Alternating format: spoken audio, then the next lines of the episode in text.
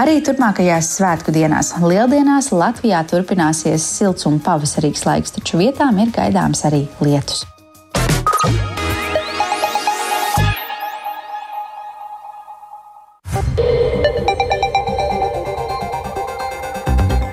Piecas minūtes pāri 12. un skanējums sāk ceturtdienas 6. aprīļa raidījums pusdiena, skaidrojot šīs dienas svarīgos notikumus. Studijā Dācis Simenoviča esiet sveicināti! Un šoreiz sākam ar notiekošo Ukrainā. Ukrainas frontē turpinās sīvas cīņas ar Krievijas karaspēku, un šajā brīdī mēs esam sazinājušies ar mūsu korespondenti tur Indru Sprānci. Viņa atrodas Ukrainas dienvidos Hersonā, un tā ir pilsēta, kur vienā pusē Ņepras upē atrodas Ukrainas karaspēks, bet otrā pusē Krievijas. Sveika, Indra, un kāda šobrīd ir situācija Hersonā? Jā, labdien! Uz šo brīdi Hersonā ir salīdzinoši mierīgi un klusi, bet uh,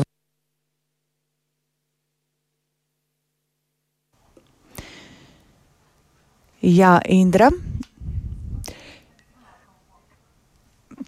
Šobrīd mums ir nedaudz pārtraukuši sakari ar korespondenti Indru Sprānci, kura atrodas Hersonā. Tūdaļ mēģināsim atkārtoti ar viņu sazināties, un um, tas, ko viņa paspēja šobrīd pateikt, ka Hersonā pagaidām ir salīdzinoši mierīga, lai gan vakar pēcpusdienā vairāk stundas bija diezgan nemierīgi. Plašāk par to, kāda situācija bija vakar un kā ir šodien, to mēģināsim noskaidrot no viņas pašas. Un šobrīd mums ir izdevies atjaunot sakarus ar Indru. Sveika, Indra, vai tu dzirdi un vari šobrīd pastāstīt vairāk par situāciju Hersonā? Jā, šobrīd dzirdu, tātad uh, es nepamanīju brīdi, kurā mēs pārtraukam, tātad šobrīd situācija ir salīdzinoši mierīga un klusa, bet uh, vakar pēcpusdienā vairākas stundas bija ļoti nemierīgi. Pēdējā dienas laikā kopumā Hersons un Zaporīžas apgabala apdzīvotās vietas tika apšaudītas 35 reizes, un spēcīgi apšaud notika arī Hersonā, ko īpaši izjūt fronts tuvākā, fronts līnijai tuvāk dzīvojošie māju iedzīvotāji, un uh, te jāpaskaidro, ka Dņeprē tuvāk esošā pilsētas daļa ir ļoti brīva apbūvēta. Tur ir daudz, daudz tādu dzīvojamās ēkas, un daļā joprojām ir iedzīvotāji. Viņi nav daudz, bet viņi ir, un vakar ar dažiem no viņiem man arī sanāca aprunāties tieši sanāca, ka uzbrukuma laikā paklausāmies fragmentu, kur iedzīvotāji jau pēc skaņām atpazīst, kā otrā pusē, otrā upes pusē tiek izšauts eh, šie lādiņi un gaida, kad šajā krasta daļā viņi nokritīs. Zaiģīties sudā! Зайдите, потому что непонятно сейчас куда пойдет. Ienāciet iekšā, jo nevar zināt, uz kurieni lidos. Tūlīt atlidos, bija izēja. kā jūs zinat, Dzirdam, mēs jau esam iemācījušies atpazīt skaņas. Танк работает. Tanks strādā. Вот сейчас опять смотрите аккуратно. Tagad atkal skatieties uzmanīgi. Tas no turienes. Tūlīt atlidos. Вот. Jā, nu šādos apstākļos Hersons iedzīvotāji turpina dzīvi un uh, neskatoties uz nematīgām apšaudēm gaida Ukraiņu uzvaru. Uh, plašāk par to visu stāstīšu tuvākajā laikā, uh, taču šodien man arī bija iespēja apmeklēt apmācības Hersoniešiem, kur iedzīvotāji tiek sagatavot dažādām ārkārtas situācijām un pirmās palīdzības sniegšanai. Apmācības veids medicīniskā bataljona hospitalieri brīvprātīgie karavīri un turpinājumā paklausīsimies fragmentu no brīvprātīgā Sevaloda Dorofeja stāstītā, ko ko viņi tur apgūst Так как мы сейчас находимся в таком городе, который систематически обстреливается. Tā kā mēs šobrīd atrodamies tādā pilsētā, kura tiek sistemātiski apšaudīta jebkurā diennakts laikā, jebkurā vietā, apstākļi var mainīties ik pēc piecām minūtēm, un viss notiktu pat tieši tagad. Tad mēs gatavojam cilvēkus tam, lai viņi pareizi reaģētu, pareizi sniegtu palīdzību un zinātu, kā rīkoties tādā vai citādā situācijā.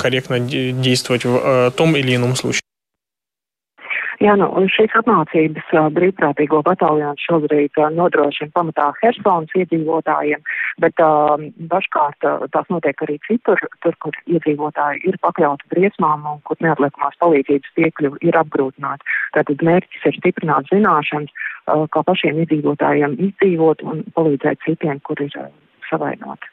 Skaidrs, ka dzīvojot šādos apstākļos, mācības ir ļoti būtiskas, lai zinātu, kā rīkoties, bet eh, saka, cik daudz iedzīvotāju piedalās vispār šādās mācībās un kāda vecuma tie pārsvarā ir? Jā, nu šodien tā grupiņa, kuru, kuru, kurus apmācības es apmeklēju un biju klāta, ir neliela, te ir aptuveni desmit cilvēki. Bet jāsaka, ka Hersonā vispār šobrīd, nu tā uz skatu ir ļoti maz cilvēku. Um, Ielas ir tukšas pretēji tam, ko mēs redzējām, tad, kad pilsēta bija atbrīvot un tad, kad izkļūšana varbūt bija sarežģītāk. Tad uh, šobrīd patiešām ir tāda sajūta, ka pilsētā ir maz palikuši cilvēki. Un tie, kas šeit piedalījās, tie bija pārsvarā vidēji vecuma vai vecāka gada gājuma cilvēki. Uh, nebija uh, jauni cilvēki šeit šobrīd maz redzami. Tas uz šo brīdi man laikam būtu arī viss. Paldies, Indra, tev no, par ziņām no Hersonas, kur tev ir pat izdevies arī aprunāties ar iedzīvotājiem, kur tiešām dzīvo ļoti nemierīgos apstākļos. Un, ja mēs savukārt runājam par Ukrainu kopumā, tad ir jāsacina, ka Krievija nav sasniegusi savus mērķus karā Ukrainā ziemas sezonā, un tās bruņotiem spēkiem ir lieli zaudējumi. Tā šorīt programmā Labrīt kolēģei Artai Skojai un Laurim Zvejniekam sacīja Nacionālo bruņoto spēku pārstāve pulkveža leitnante Anita Pīzēle un viņi arī norādīja, ka Krieviem nav izdevies pilnībā ieņemt Donetskas un Luhanskas apgabals, jo Ukraiņu bruņoties spēki ļoti enerģiski aizstāvas. Turklāt ilgā cīņa par Bahmutu un beidzot arī sagaidītā ārvalstu munīcija tagad ļauj cerēt uz Ukrainas pretuzbrukumu. Un turpinājumā fragments no sarunas ar NBS pulkveža leitnanti Anitu Pīzelu un vispirms par ziemas sezonu kopumā skatoties uz situāciju, vērtējot to kontekstā ar notikumiem gan politiskajā sfērā, gan militārajā ziņā. Es domāju, ka tas ir ļoti liels zaudējums Krievijas bruņotajiem spēkiem, gan dzīvajā spēkā, gan tehnikā, gan arī politiskajā jomā.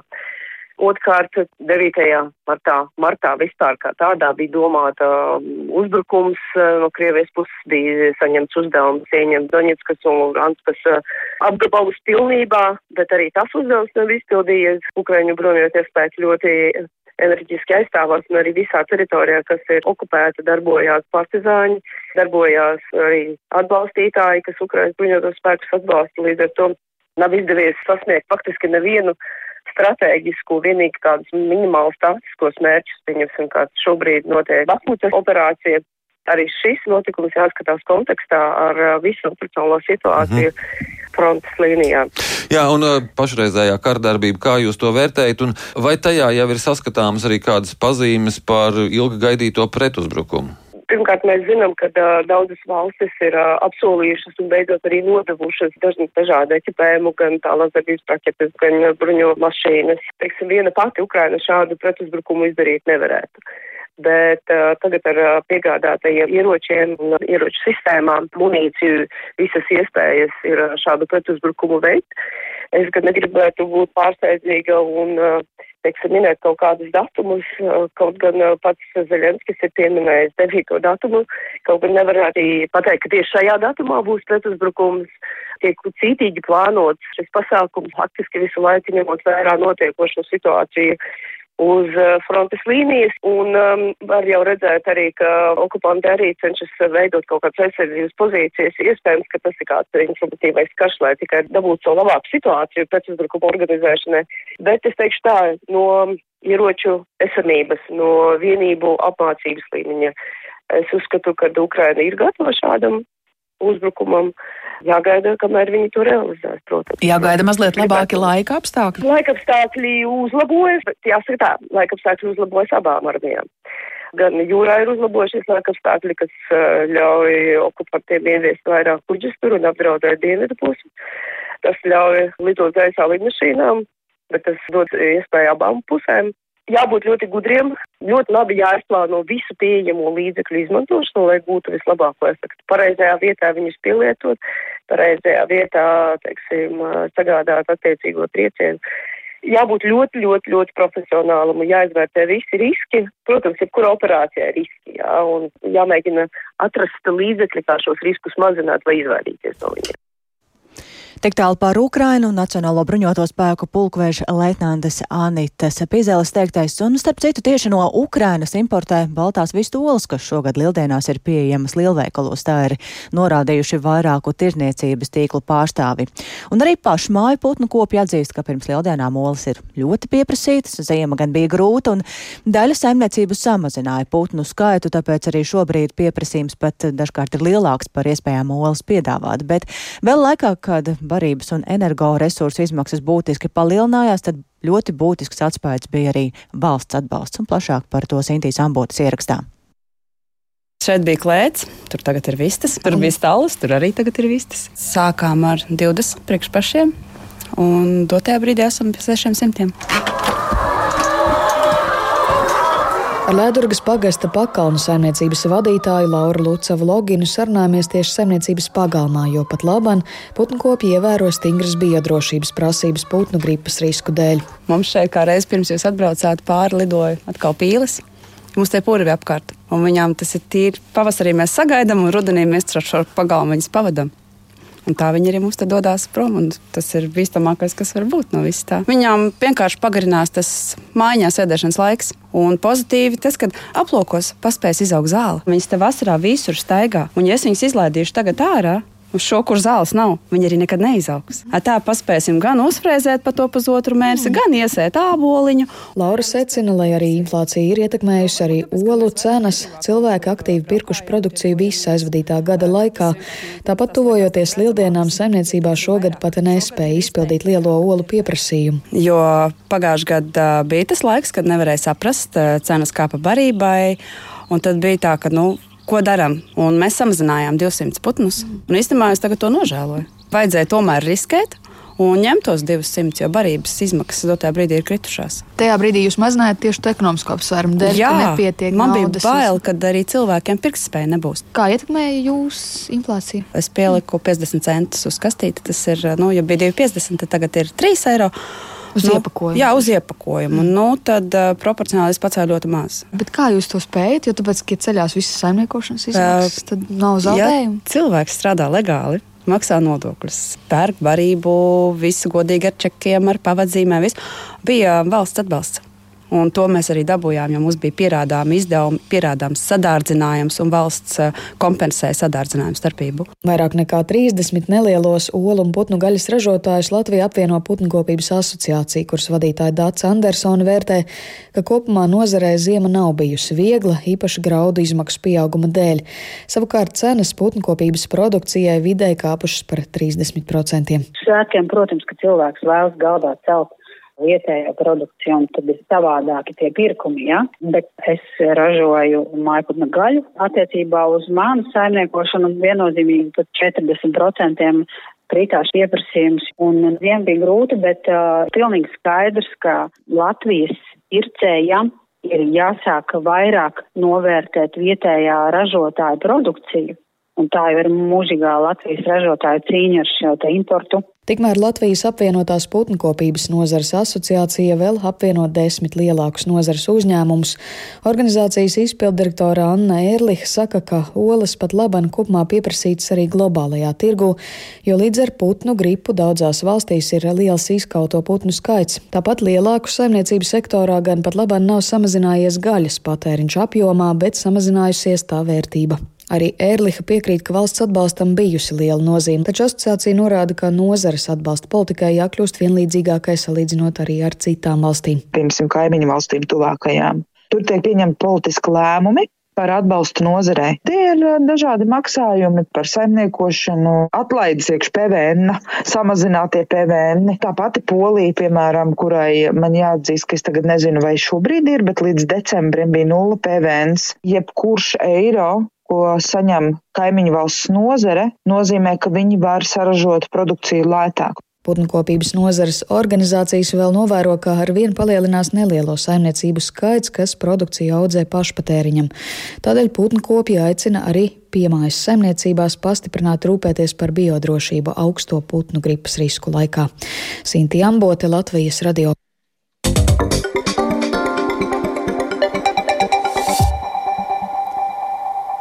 Ekonomikas izaugsme un inflācijas sabremzēšanās. Tie ir scenāriji, ko turpmākajiem trīs gadiem zīmē Finanšu ministrija gatavojot Latvijas stabilitātes programmu turpmākajiem gadiem. Te gan jāteic, ka ekonomikas attīstības skaitļi varētu būt augstāki, jo turpmākajos gados izdosies apgūt visu Eiropas fondu naudu. Tā vismaz vērtē fiskālās disciplīnas padome. Un par to vairāk ir gatavs stāstīt Jānis Kīncis, kurš šobrīd pievienojas tiešraidē. Sveiks, Jāni! Sveika, Dārts, sveicināti klausītāji. Eiropas komisija gadu divas reizes prasa Eiropas Savienības valstīm iesniegt jaunākās prognozes par valsts ekonomikas attīstību, un uz to pamata uh, gatavo Eiropas, kop, Eiropas kopējās turpmāko gadu fiskālās prognozes un arī Eiropas budžeta plānus.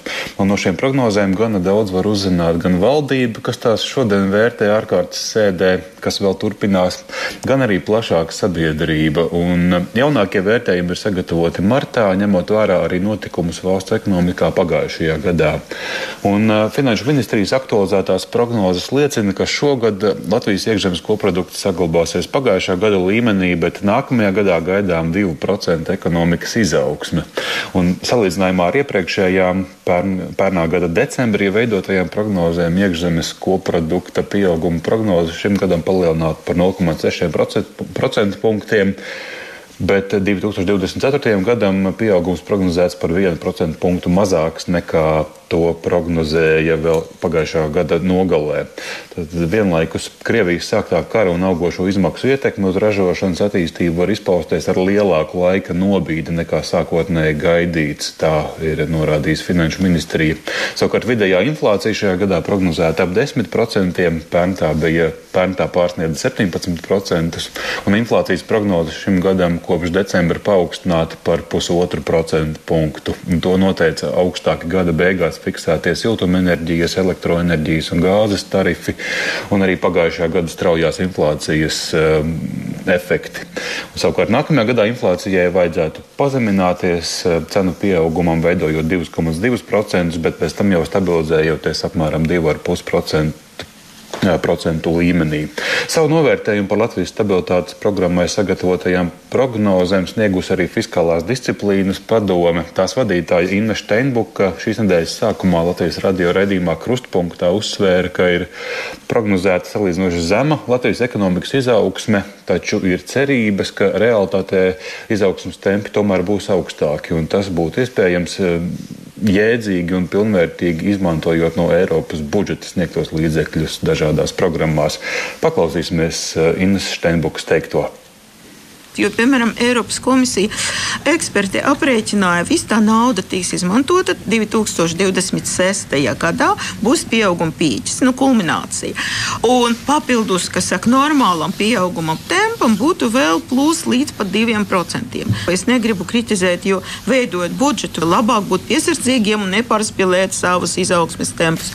Bet es saku īstenībā, ja tomēr valdība izdosies kaut kādā veidā efektīvi investēt uh, Eiropas Savienības līdzekļus pilnā apjomā, tad pieauguma tempi reāli varētu būt augstāki. Protams, mēs nevaram cerēt tikai un vienīgi uz Eiropas Savienības naudu. Ir kaut kāda veida jāveicina privātie investori. Vēl piebildīšu, ka Finanšu ministrijas prognozes veidotas augstas nenoteiktības apstākļos, bet ar pieņēmumu, ka ģeopolitiskā situācija būtiski nepasliktināsies un nenotiks krasa kara darbības eskalācija Ukrainā. Tāpat eh, negatīvie riski joprojām saistām arī ar straujām energoresursu cenu svārstībām un Uh, iespējamo to ierobežoto pieejamību. Un um, šo stabilitātes programmu turpmākajiem trīs gadiem pirms nosūtīšanas Eiropas komisijai vēl būs uh, jāizvērtē arī saimai. Paldies Jānim Kīncim par šo prognožu skaidrojumu, un valsts prezidents Egils Levits ieceri mainīt piekļuvi daļai valsts informācijas vērtē kā nepieciešamu. Intervijā Latvijas televīzijai šorīt komentējot pēdējās dienās plaši izskanējušo diskusiju par grozījumiem saistībā ar dienestu informācijas noslapanošanu, prezidents norādīja, ka demokrātija Latvijā ir pašaizsargājoša un tai ir jābūt instrumentiem sevi aizsargāt. Tikmēr politologs Eiroparlamentārietis Ivars Ieps no attīstībai par šorīt programmā labrīt pauda viedokli, ka saimas saimas politiķu rīcība virzot šo likumprojektu ir bijusi sasteigta un nepārdomāta, tam tomēr ir nepieciešams plašākas diskusijas, turklāt strādājot Eiropas parlamentā, viņš ir novērojis tieši pretēju rīcību, centienus valsts institūcija informāciju padarīt pēc iespējas publiskāku un turpinājumā fragments no iepteiktā. Jebkurā gadījumā ir skaidrs, ka atsaukšanās uz drošības riskiem un ģeopolitisko situāciju, protams, ir vietā. Bet nevajadzētu iedomāties, ka mēs drošāki kļūsim no tā, ka mēs ļausim katras iestādes vadītājiem noslepenot kaut kādu informāciju pilnīgi bez saviem ieskatiem, pie tam tādā veidā, ka to jau vairs tiesā apstrīdēt nevar jo valsts noslēpumu jau tiesā apstrīdēt nevar, kur pretī šo dienestu vajadzībām tas ir darīts. Un eh, tādā ziņā es domāju, ka nebūtu pareizi jau no paša sākuma kādam piedēvēt kaut kādus ļoti ļaunprātīgus, autoritārus mērķus tajā visā. Bet, nu, sanācis, tas ir ļoti, ļoti neveikli un jādomā, ka to tomēr no izgrozīs tuvākajās nedēļās ja domā tieši par to klasifikāciju, tad tas, ko saka dienestu pārstāvji, ka ir tas standarts pēc tām četrām kategorijām, respektīvi pilnīgi slepeni, slepeni, konfidenciāli un tad apakšā tas dienestu vajadzībām, kas ir restrikti, tad tā ir taisnība. Tas ir arī Eiropas Savienībā šīs četras kategorijas. Es pats parlamentā strādāju pie likumdošanas saistībā ar uh, informācijas apratē Eiropas institūcijās. Un tur kā reiz bija pretējā doma, ka tā dienesta vajadzībām informācija pēc iespējas mazāk ir izmantojama un visu, ko var padarīt publisku, vajag padarīt publisku. Pie mums, acīm redzot, cilvēki domā pretējā virzienā. Tā politologs Eiroparlamentārietis Ivars Ieps no attīstībai par. Un vēl Rīgā beidzot ir atvērts sarkandaugavas pārvads, kas savieno viestura prospektu ar Tvaikielu, un darba ilga teju trīs gadus galvaspilsētā šis ir viens no lielākajiem infrastruktūras objektiem vismaz desmit gadu laikā. Un kopā ar topošo austrumu maģistrāli ir paredzēts, ka tas palīdzēs atslogot pilsētas centru no krāvas mašīnām. No pārvada atklāšanas nu pat ir atgriezies kolēģis Viktors Demīdovs, kurš pievienojas man studijā. Sveiks, Viktor, kā tad tas notika? Jā, sveicināti. Zaļajā ceturtdienā Rīga kļūst zaļāka, un ar tādiem vārdiem šorīt beidzot atklāja gandrīz puskilometru garo pārvadu, kas kopumā izmaksāja 45 miljonus eiro. Tas ir tilts, kas savieno divas satiksmē nozīmīgas ielas pieminētā Tvaika un Viestura uh, prospekts. Un arī tas šis pārvads iet pāri dzelzceļa līnijai Rīgas kulti. Kāds no tā vispār ir labums? Tad, vārdu sakot, šogad ir plānots pabeigt austrumu maģistrāli, un šīs abas infrastruktūras būves atslogos centru no kravas mašīnām, kas traucas pa 11. novembra krastmalu, Pērnavas ielu un citām ielām. Otrakārt, vieglo spēkratu vadītāji tādējādi varēs apbraukt centru, savukārt treškārt neradīsies tik lieli sastrēgumi Sarkandaugovā pie dzelzceļa pārbrauktuves. Taču ar sarkandaugos pārvada būvniecību pašvaldībai veicies netik labi. Es eh, tā esmu saskaitījis, ka kopumā bija nosaukti nu, kādi pieci termiņi, kad būve būs gatava, tātad pašvaldība to sauc, un iesākumā tātad bija saukts, ka pērnā gada vēlais pavasaris, tad vasaras beigas, un, protams, arī tas iespēdoja karš Ukrainā, un tad trešais termiņš bija novembris valsts svētki, tad marts, tad aprīļa sākums, un tad lūk, šodien ir tā diena, kad autovadītāji beidzot var pa to braukt. Jā, pārvads ir atklāts, tad vai apkārtnē būs kādas satiksmes izmaiņas? Jā, pilnīgi noteikti, un lielas izmaiņas jau ir stājušās spēkā šodien, un tas ir Tvaika, Duntes un Tiltielas krustojumā. Tas ir ļoti liels krustojums, kur aktīva satiksme ir nu, cauri diennakti, un par, plašāk par to pastāstīs Rīgas domas satiksmes departamenta direktora pienākumu izpildītājs Jānis Vaivots. Lūdzu, paklausīsimies! Braucot no tilta ielas centra virzienā, iespējams griezties tikai uz Dunkas ielu. Savukārt, braucot no Dunkas ielas virzienā uz Sarkandaugu, vienīgais atļautais braukšanas manevrs ir uz tilta ielu. Attiecībā uz kustību braucot pa ganību dambi, tātad vieglajam transportam izmaiņu nav. Kravas transports drīkst griezties tikai uz Tvaika ielu. Savukārt, braucot pa Tvaika ielu, tātad vieglajam transportam izmaiņu nav. Savukārt kravas transports drīkst griezties tikai uz ganību dambi. Šādā veidā mēs samazinām konfliktu punktu skaitu un nodrošinām, ka šī būtiski pieaugusī satiksmes plūsma virzienā no Tvaika ielas var droši izgriezties uz ganību dambi. Jā, es pats garām biju braucis šim krustojumam, redzēju, ka ir tātad tur stāv arī policijas ekipāža, seko līdzi kārtībai un ir arī ceļzīmes nomainītas, tā ka autovadītājiem ir jāievēro jaunās, jaunā kārtība. Paldies Viktoram Demīdovam par eh, ziņām no Rīgas sarkandaugaus pārvada, kas tad šodien ir atklāts, un ar to arī skan raidījums pusdiena. Tā producenta Ilza Agīnta ierakstus montēja Kaspars Groskops par labskaņu rūpējās Rīta Karnača, un ar jums sarunājās Dāce Simonoviča. Sekojiet mums līdzi arī sociālajos tīklos un raidierakstu platformā.